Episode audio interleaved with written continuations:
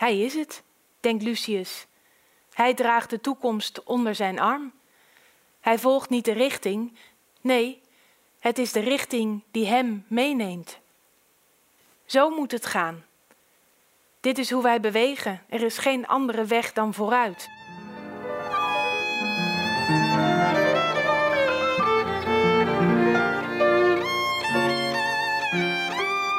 Dit is de 27e aflevering van de podcastserie Uitgelezen Verhalen, Literatuur ontmoet theater. Na een flinke onderbreking sinds mei zijn we weer terug met vier afleveringen in de laatste vier maanden van het jaar. Dit gebroken culturele jaar. Dit keer hoor je een nog in juli 21 voorgedragen verhaal van schrijfster Sascha Bronwasser door actrice Johanna Hagen. Dat was tijdens onze voorstelling in Mimic, Deventer, met zeven verhalen rond het thema zomer, waarbij deze een vreemde eend in de bijt was. Het speelt namelijk in het voorjaar. De auteur kon daar niet bij zijn omdat het in haar vakantie viel, maar ze is er nu wel. Hartelijk welkom, Sascha. Dag Pieter. Mijn naam is Pieter, dat hoorde je al, en achternaam van Scherpenberg. Ik ben samensteller van het theaterprogramma van Uitgelezen Verhalen en je gastheer in deze podcast. We zitten niet in onze vertrouwde Amsterdamse studio Floor, want Floor Minnaert herstelt op dit moment van een COVID-19-infectie. En heel oplettende luisteraars horen wellicht het verschil in klank van de ruimte, maar ik voel me heel welkom hier bij Huub Krom van Orbit, ook in Amsterdam. Voor we verder gaan, doe ik een direct beroep op jou, luisteraar. Laat weten wat je van onze podcast vindt, of van deze aflevering, door sterren uit te delen of een besprekingje te schrijven.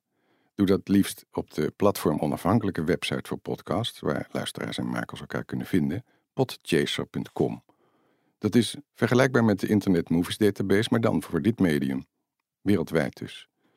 Om het je makkelijk te maken, zetten we een link naar onze pagina op die site in de shownotities. Natuurlijk, sterren uitdelen in Apple Podcasts maakt ons ook heel blij en beter vindbaar, maar het grootste deel van jullie gebruikt die app helemaal niet. Vandaar podchaser.com. Sascha Bronwasser debuteerde in 2019 met de roman Niets is gelogen. Prachtige titel voor een fictiewerk. Dank je. Ze is ook kunsthistoricus, freelance kunstjournalist en curator van tentoonstellingen. Of zoals het op je website staat, Sascha schrijft, spreekt en maakt. Want ze produceert en presenteert ook de Amsterdamse live kunsttalkshow Stampa. En voor een nieuwe luisteraar die nu denkt, wat is dit voor een grachtengordel podcast? Sascha woont in Castricum, ik in Deventer en produceert daar ook het theaterprogramma, evenals in Enschede en Zwolle aanstaand theaterseizoen. Ja, mag ik nog iets inbrengen? Ja. Onze laatste stampa kwam uit Rotterdam. En de volgende stampa komt uit Groningen. Goed dus zo. we zijn gelijk klaar met die Met die grachtengordel. eh, verdenk, verdachtmaking. ja. ja, leuk. Heel goed. Sinds eind 2020 publiceert Sascha elke twee maanden een fictieverhaal op mrmotley.nl. Ze laat zich telkens inspireren door een kunstwerk dat lezers kunnen aandragen. En onder in de webpagina van het verhaal zie je dan de reproductie als je het bijna uit hebt. Het verhaal dat je zo gaat horen dateert uit januari 2021. Het speelt in de jaren 70, net als het kunstwerk dat toen gemaakt werd. Natuurlijk bestaat daar een plaatje van en daar zet ik een linkje van in de shownotities. Maar beloof me dat je het pas tegen het einde gaat kijken, luisteraar. Dat werkt het beste, vertrouw me nou maar. Na de voordracht praten we na met Sascha over het verhaal, de cyclus en haar roman. Actrice Johanna Hagen deed al een keer eerder mee aan onze voorstelling en ook aan onze twee allereerste podcastafleveringen. Dat deed ze zo goed dat ik haar afgelopen zomer heb teruggevraagd. Je kunt haar kennen uit de tv-serie Dr. Tines, waarin ze twee seizoenen de rol van Jan Tien speelde. Graag dan nu je aandacht voor het verhaal Richting van Sascha Bronwasser, voorgedragen door Johanna Hagen op 28 juli 2021 in Mimic Theater Deventer. 800 lege plaatsen en toch parkeert er iemand pal voor hem. Door het onverwacht nabije geluid van een dieselmotor heft Lucius zijn gezicht eindelijk op van zijn over het stuur gevouwen armen. De mouwen van zijn jek zijn nat en hij weet niet hoe lang hij hier al zit. In zijn uitzicht gaan de achterdeurtjes van een groene Ford Transit open. Een man met bakkenbaarden buigt zich naar binnen en begint een lange plaat hout uit de bus te sjorren. Wat onhandig, denkt Lucius, met die wind vandaag. Wat zou je hier en nu met zoiets willen doen? En het is die gedachte, die eerste praktische, gewoon dom constaterende, niets met Andrea of met dat hele dorp van doen hebbende, gewoon niet malende gedachte, die hem de auto uitdrijft. Hij draait de taunus op slot en loopt de parkeerplaats af richting het zonovergoten strand waar donkere vlekken over jagen. Een mooie dag. Eén jaar en drie maanden geleden waren ze in het dorp gaan wonen.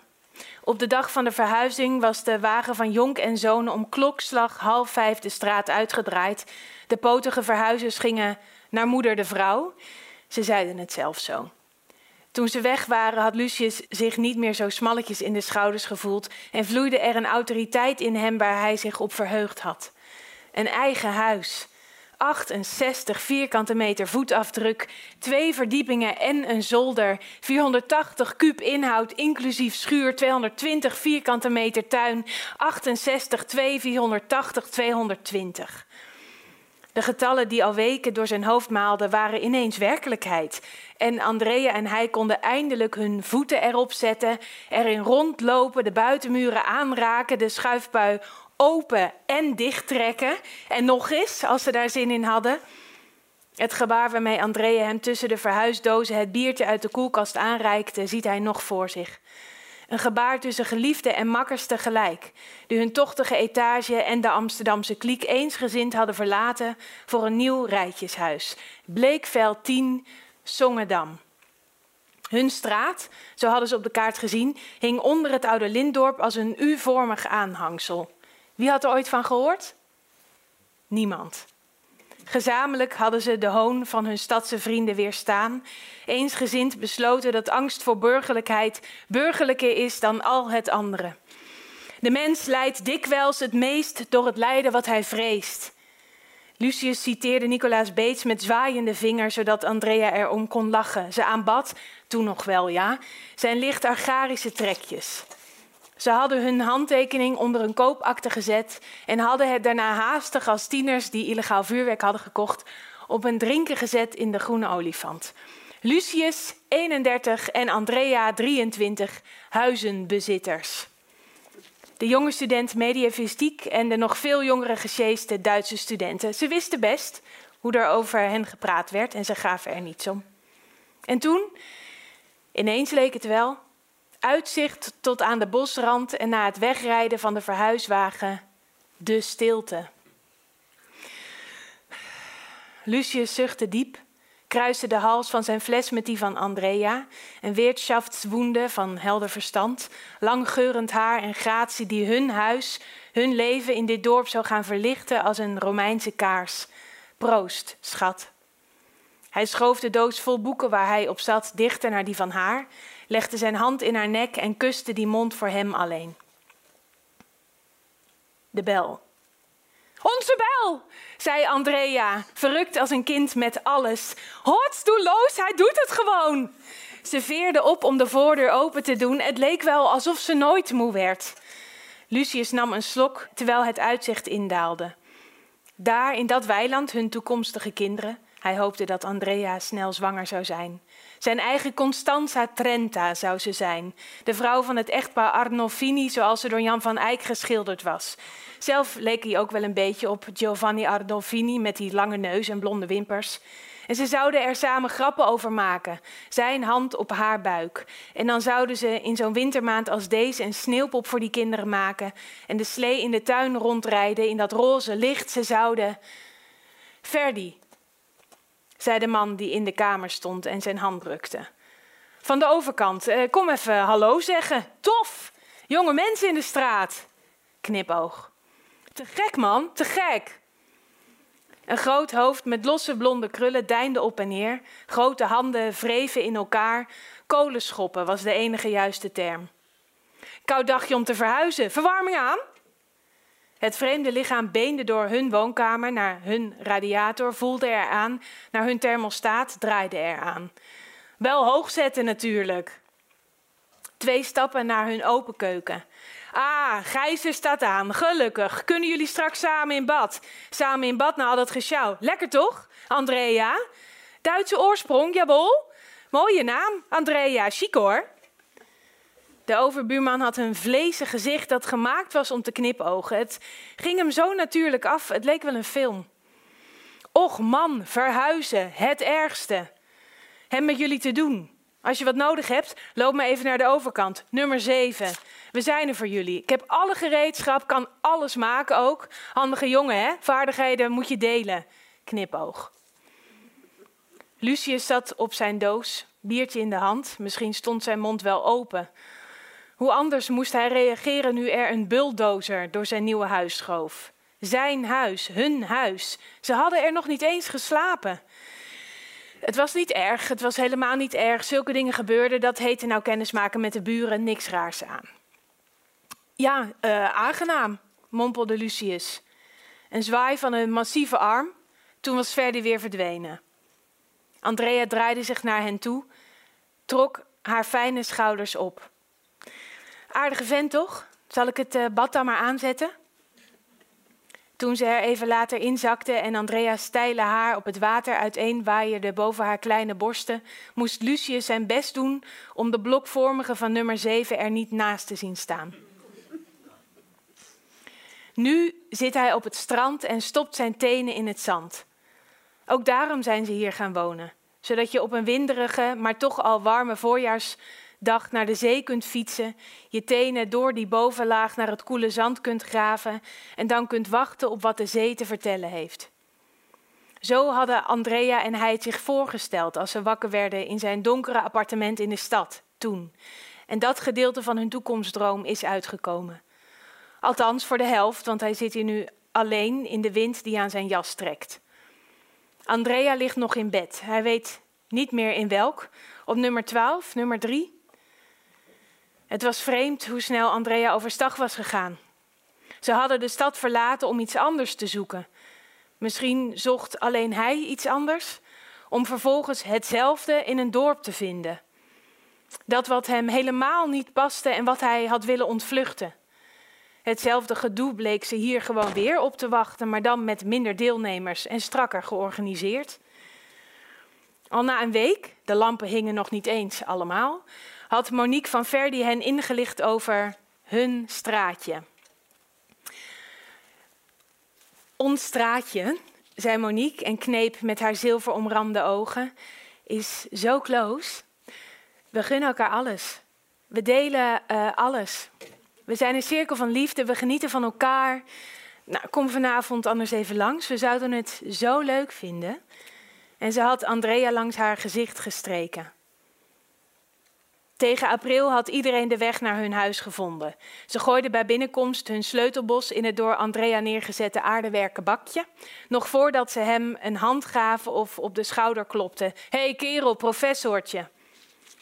Annie en Peter, Monique en Verdi, Sophie en Karel, Joop en Anton, Sunny en Rickert, Ellemieke en Ton, Soraya, Soraya, en die vriendin die niet echt een vriendin was, die overal een spoor van checkkruimels achterliet.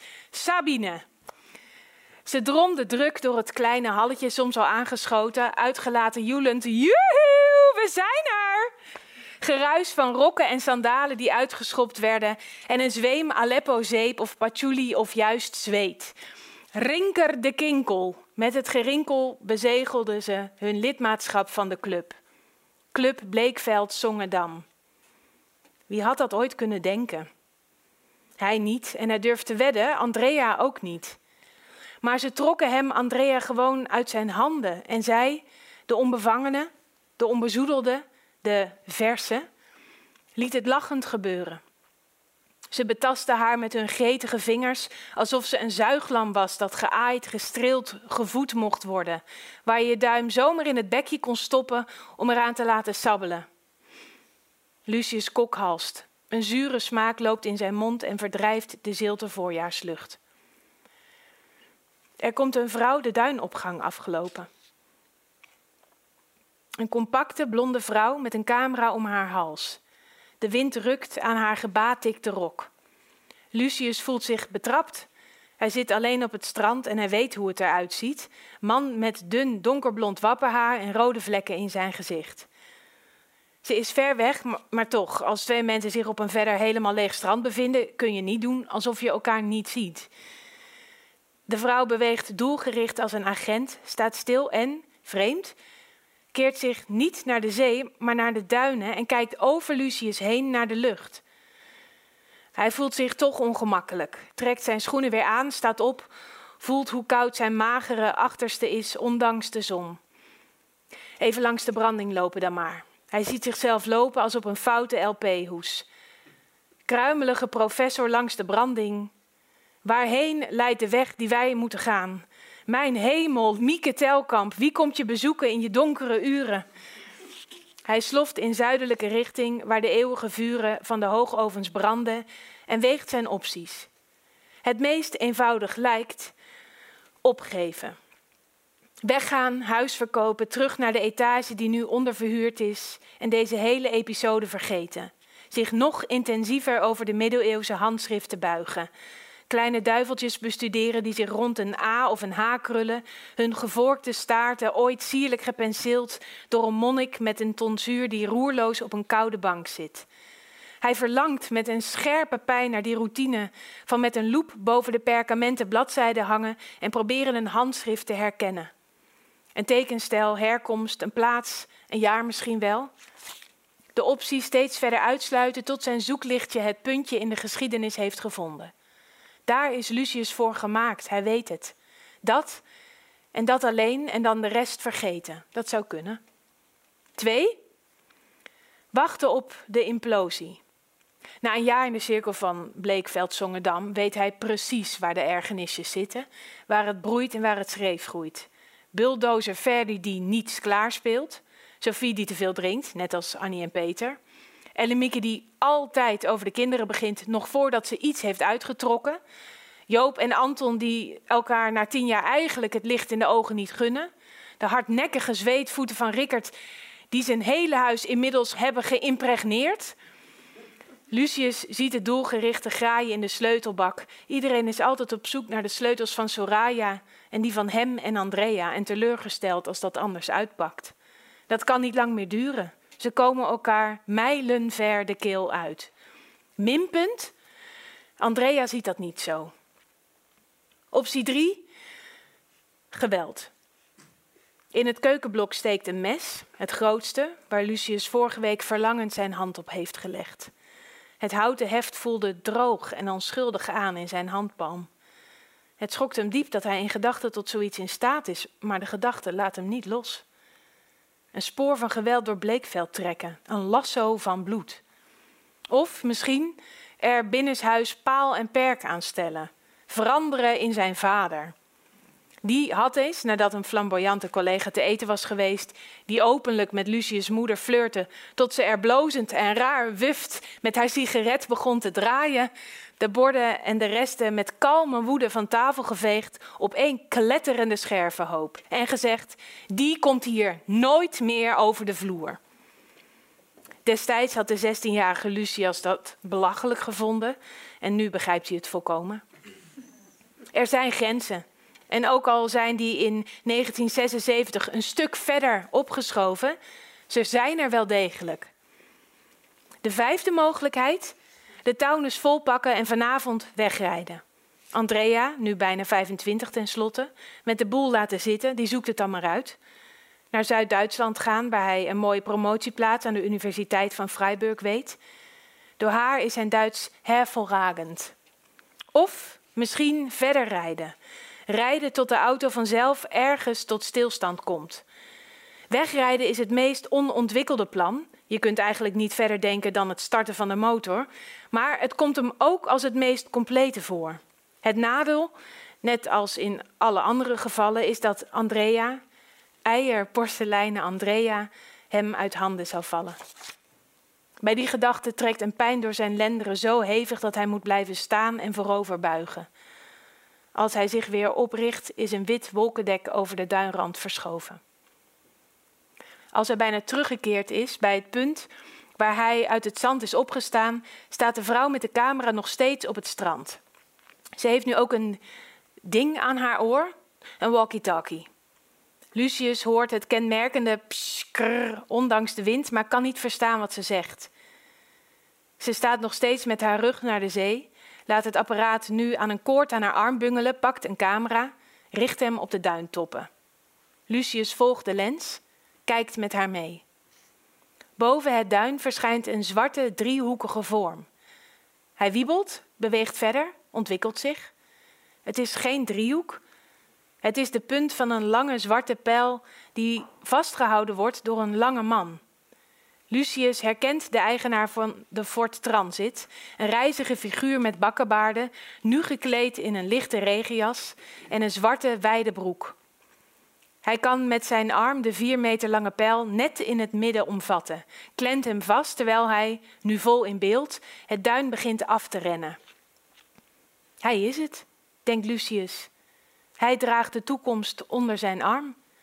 Hij volgt niet de richting, nee, het is de richting die hem meeneemt. Zo moet het gaan.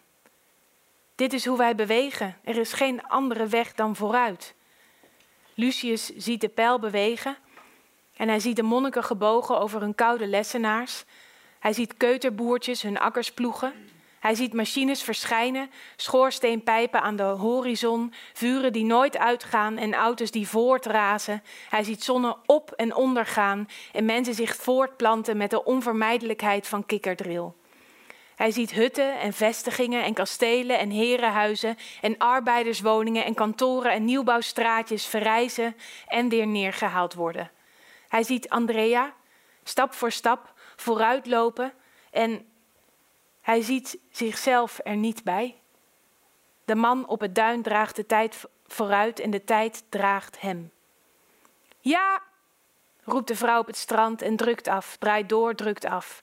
Ja, ze pakt de walkie-talkie weer. Lucius ziet de man halverwege het duin keren en weer omhoog klimmen. De wind rukt aan zijn zwarte pijl. Het moet een zware klus zijn om de tijd te dragen. Nog een keer en nog een keer holt hij met grote passen het duin af en de vrouw maakt foto's tot ze gebaart dat het goed is zo en de dop op haar camera doet. En terwijl de man weer achter het duin verdwijnt, knoopt Lucius zijn jek dicht en richt zijn schreden naar de parkeerplaats. Hij weet precies wat hem te doen staat.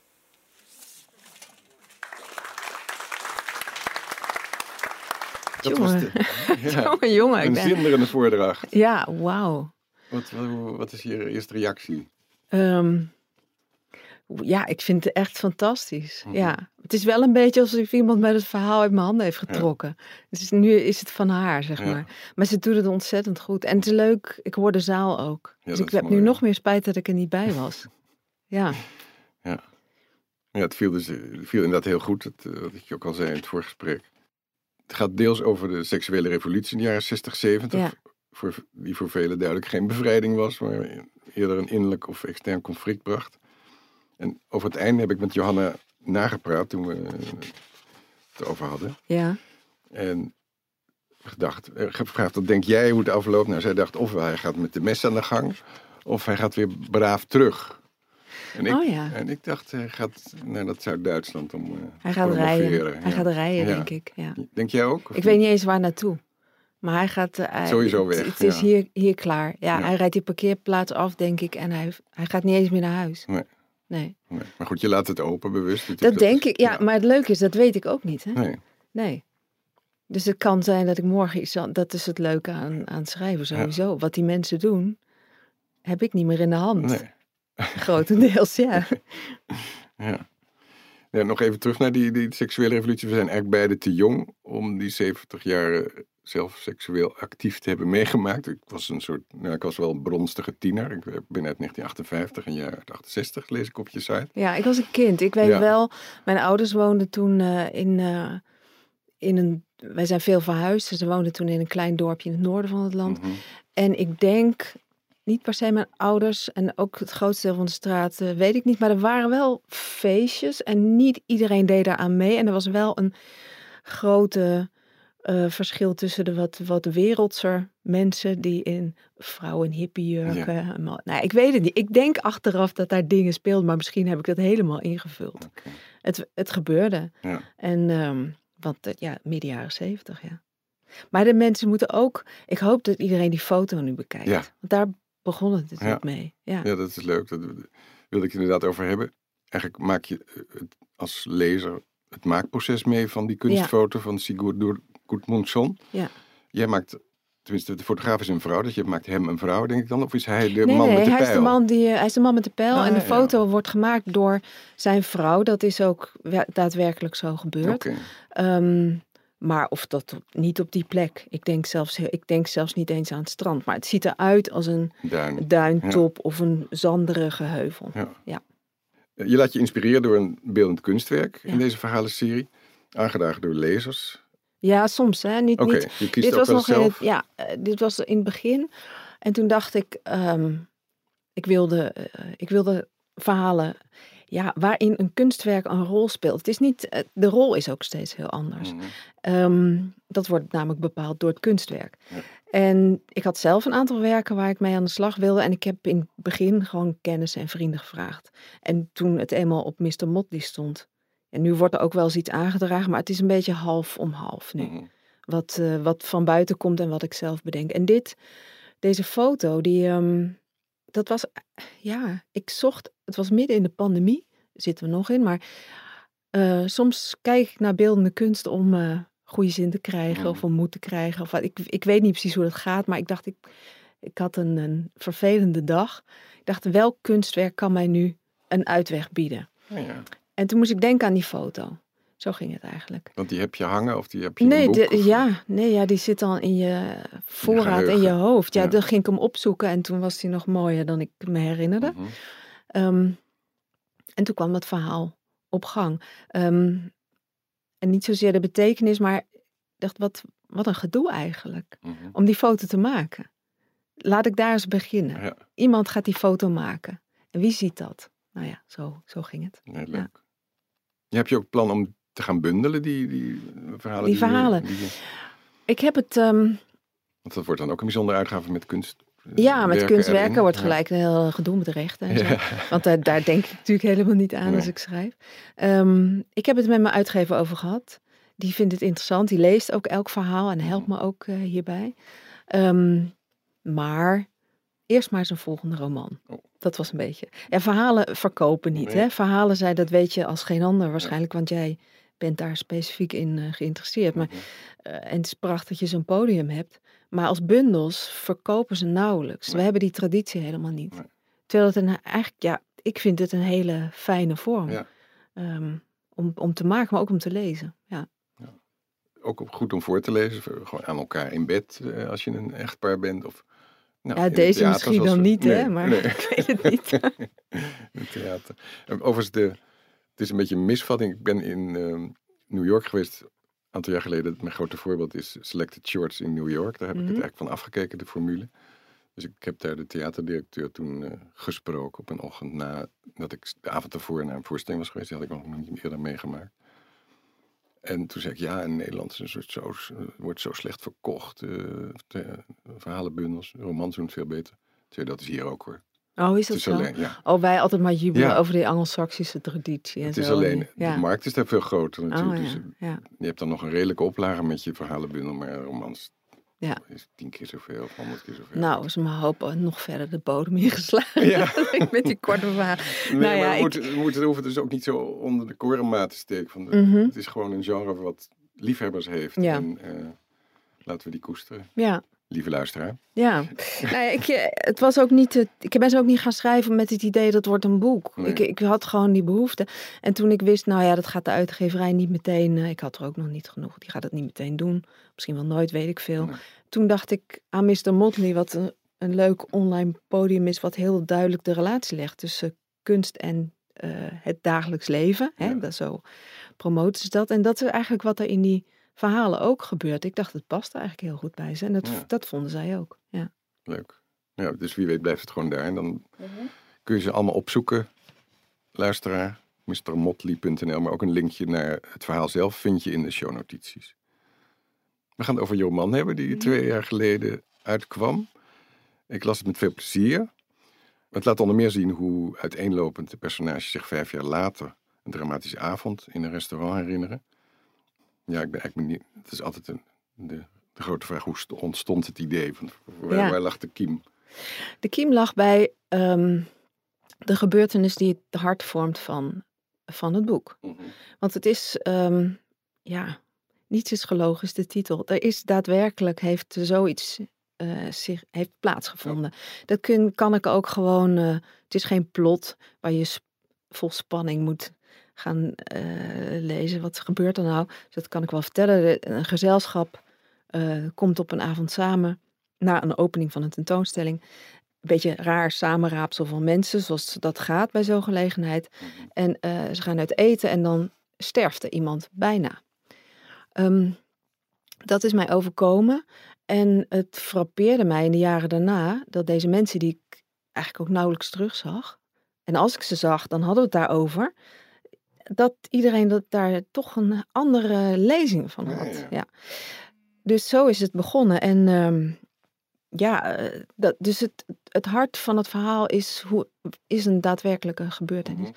Mm dat is vervolgens natuurlijk helemaal ontspoord. Het, wat mij fascineerde was die onbetrouwbaarheid van het geheugen. Dat kan elke politiecommissaris je ook vertellen. Hè? Dus als mensen allemaal hetzelfde vertellen, dan, dan liegen ze.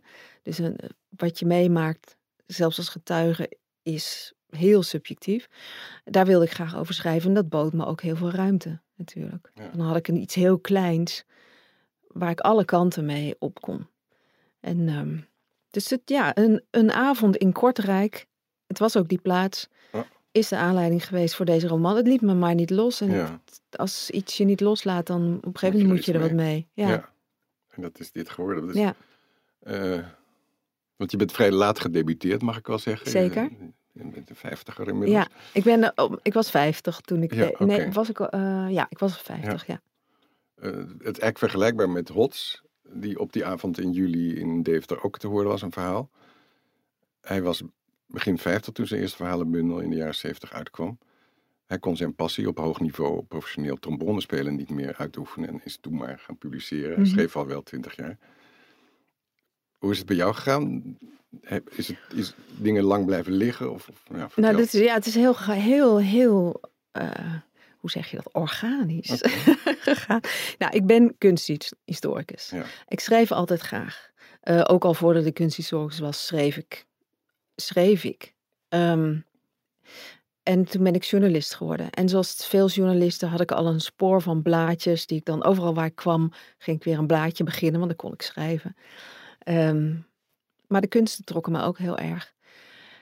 En dat ben ik eerst gaan doen. Toen ben ik journalist, na een tijd in het onderwijs, ben ik journalist geworden. Dat heb ik twintig jaar gedaan voor de Volkskrant, heb ik uh, kritieken geschreven.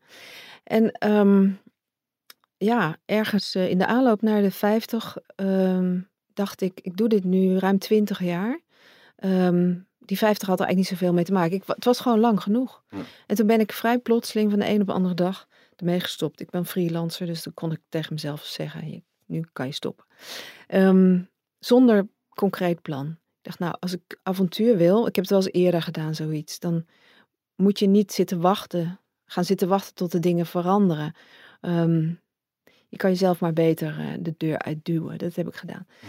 Mhm. Um, en dan gebeuren er dingen, want je moet ook je geld verdienen. Je moet, uh, dus, nou ja. Ik kwam bij een uitgever terecht met een plan voor een journalistiek boek. Mhm. En dat, um, toen zat ik daar. Toen zat ook de redacteur uh, fictie erbij. En toen dacht ik, ja, maar ik heb nog iets. En dat was die avond die me heel lang bezig hield, plus de wens om te schrijven. Ik zei, ik heb nog iets en dat is eigenlijk, het is eigenlijk, denk ik, fictie. Ik weet het eigenlijk niet zo goed wat het is. Ik heb er wel eens wat aan gedaan. Ik had wel eens stukjes geschreven, een paar karakters uitgewerkt, mhm. gewoon voor mijn plezier. Um, nou, laat maar lezen. Dat heb ik laten lezen. En toen zei de redacteur een week later, laat dat non-fictieboek maar zitten. Ga dit maar schrijven. Hm. En dat was natuurlijk prachtig. Ja. Dat, ik denk dat veel mensen die met manuscripten leuren, leuren maar te zeggen, die dromen daarvan. En ik kreeg het gewoon, nou niet in een schoot geworpen, maar toch. Het overkwam me echt. En ik ben gaan schrijven en het was uh, met nou, een maand of zes was het klaar. Oh, goed. Um, en gaandeweg dacht ik, nu, nu blijkbaar ben ik een romanschrijver ja. geworden. Dat ben je dan ineens. Het was geen, nou ja, het was geen wens of zo. Het was niet een ambitie van altijd, maar dat, de wens om te schrijven was er altijd. En ik, het heeft me bijna overvallen hoe prettig ik het mhm. vond om uh, fictie te schrijven. Ja. ja. Dus daar ga je mee door. Daar ga ik mee door, ja. met ja. de tweede roman ook. Ja, ja. Maar daar, Hmm. daar ga ik niet over praten, want ik weet hoe dat gevoelig ligt. eh, in Nee, ik ga volgende week, nee, over eh, anderhalve week ga ik een maand in Frankrijk wonen om daar aan te werken. Oké. Ehm, en er staat al, ja, er is ook alweer een, eh, een plan gesneuveld wat door, door COVID is gedwarsboomd. Dit is eigenlijk, en dat heeft mij ook verlost van het tweede romansyndroom. Dus nu schrijf ik aan roman nummer drie. Oké, Ja. die twee is blijven liggen. Die Wie blijft weet gewoon later liggen, ja. of ooit. Ja. Ja. Nou, dan denk ik dat het een goed moment is om wat te laten horen uit je roman. Mhm. We hebben het bedacht dat het voor de luisteraar het mooiste is om het begin te horen. Zodat hij van benieuwd wordt naar hoe het verder gaat. Dat hoop ik. Ja, dat heb ik net verteld. ja. Nee, maar ja. ehm, ik, ga, eh, ik ga het begin gewoon lezen. Der kinderen. Het overlijdensbericht komt niet onverwacht. Het komt ook niet verwacht. Ik heb gewoon nooit meer stilgestaan bij de sterfelijkheid van P. der kinderen, gynaecoloog te Kortrijk. Hij bestond op één avond, in een stad, in een bepaald gezelschap, bij een gelegenheid die ik daarna in een laadje van het geheugen had gestopt. P was de spil van een gebeurtenis die zonder ons, de andere aanwezigen, niet plaats had kunnen vinden. Oorzaak en gevolg vielen samen, duidelijker kan ik het niet zeggen. Soms keek ik in dat laadje, schoof de spulletjes die daar lagen wat heen en weer of stopte er wat bij. P bleef in mijn gedachten even oud als een vastgelopen filmbeeld. En zut, dicht ging het laadje weer. Natuurlijk ben ik wel eens over hem begonnen tegen iemand, vaak laat op de avond, en die zei dan, mijn herhalingen zat: Waarom zoek je hem niet eens op? Wil je zijn versie van het verhaal niet eens horen? Nooit deed ik het. Maar nu is het maandag 17 juni en raap ik bij het naar buiten gaan een witte envelop met een dun zwart kader van de mat. Een overlijdensbericht. Mijn naam is niet op de envelop geschreven, maar staat op een uitgeprint etiket. De dingen die je meteen registreert. Dit is voorbereid. Ik stond blijkbaar in een bestand. Een Belgisch poststempel. Een warm dier rekt zich traag uit in mijn keel. Ik sluit de voordeur naar de heldere junidag en loop terug mijn gang in. Als ik later die dag de naam invoer, staat bovenaan de lijst resultaten een rouwadvertentie. Vele nieuwe levens maakte hij mogelijk. Petrus Virgiel der Kinderen, tussen aanhalingstekens P. 1954-2018. Een bijzonder specialist. Dankbare ouders en grootouders. Ik staar een tijdje naar de letters. De advertentie is vandaag verschenen in de Standaard. P. overleed op 13 juni. Vijf jaar en 19 dagen heeft hij nog geleefd na de enige keer dat wij elkaar zagen. Arbitraire cijfers. Niet één keer eerder, niet één dag eerder heb ik de aanvechting gehad hem op te zoeken. En nu is het te laat. Wat deed ik op donderdag 13 juni? Ik scroll door mijn agenda. Niets bijzonders. Op donderdag werk ik thuis. Het was waarschijnlijk mooi weer, misschien heb ik tussen de middag even een stukje gefietst. Er is me niets opgevallen. De buurkatten slopen als vanouds om het huis. Er is geen roos uitgevallen, geen vlinder dood neergedwarreld als een verloren vloeitje. Geen boot heeft zijn koers op zee verlegd, terwijl ergens, in een ziekenhuis, thuis, aan de kant van de weg, P der kinderen er tussenuit kneep. Deel 1, middag. Eenheid van plaats en tijd. Het is niet moeilijk thuis te zijn in een vreemde stad. Alles is nieuw en alles is goed.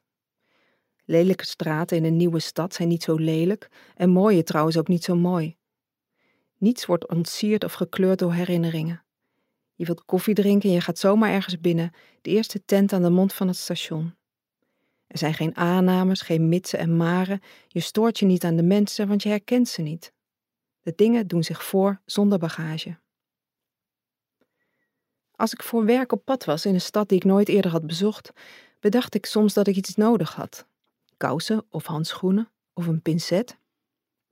Dan schoof ik het doel van die dag een kwartier voor me uit en zocht naar een winkelstraat met een warenhuis.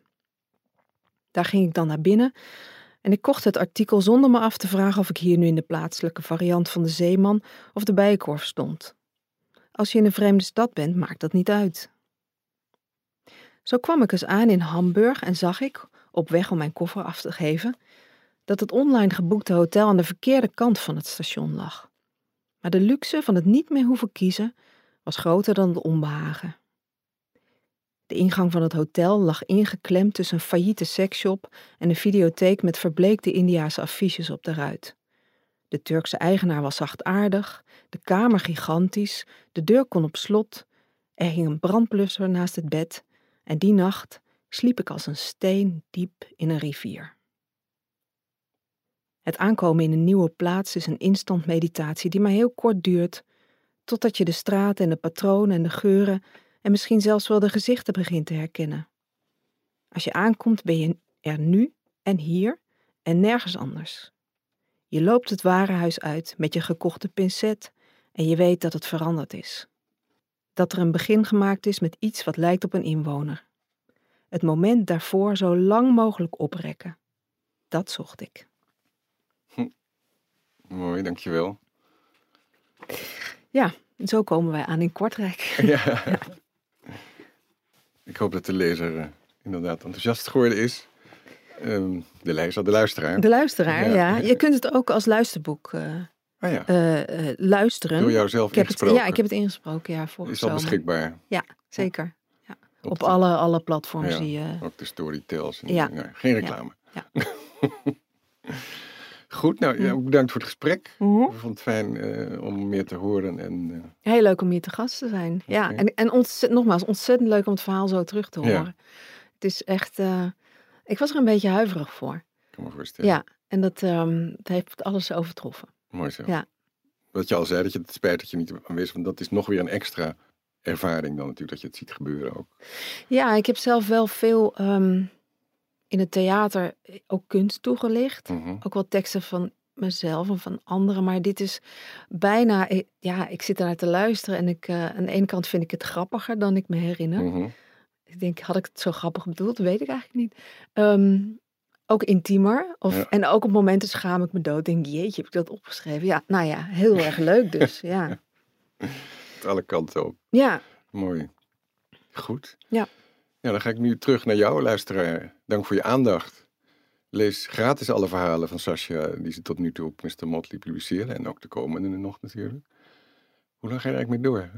Is er een plan? De, nou, het plan is, nou, ik doe het één keer in de twee maanden, want het Ja. doorkruist wel een beetje die roman natuurlijk die ik aan het Mhm. schrijven ben. Het is, het is toch meer, je duikt zo'n andere wereld weer in. Eh, ja, dat, dat duurt dan weer even voordat je daar weer uit bent. Ja. Maar ehm, nou, ze, we hadden afgesproken, in ieder geval dit jaar. Dat je twaalf ik- maanden hebt rond, of tenminste zes, ja, maar het zijn, het zijn dus zes Ja, afleveringen. Ik begon vorig jaar al, dat zijn er dan zeven. Nou ja, ik wil eigenlijk door tot de tien en dan eens kijken wat het nou eigenlijk is. Want Ja, het is een hele rare collectie. Je ziet een kunstwerk, een kunstwerk gaat, wordt gestolen. Een ander kunstwerk eh, wordt, ge, hè, daar zie je gewoon een afbeelding. En ik vertel wat daar gebeurt eigenlijk op die afbeelding. Ehm, dus het is elke keer totaal anders, tot, tot ik geen zin meer heb, denk ik. Ja. goed. Nou, maar wij hebben wel zin om ze te blijven lezen.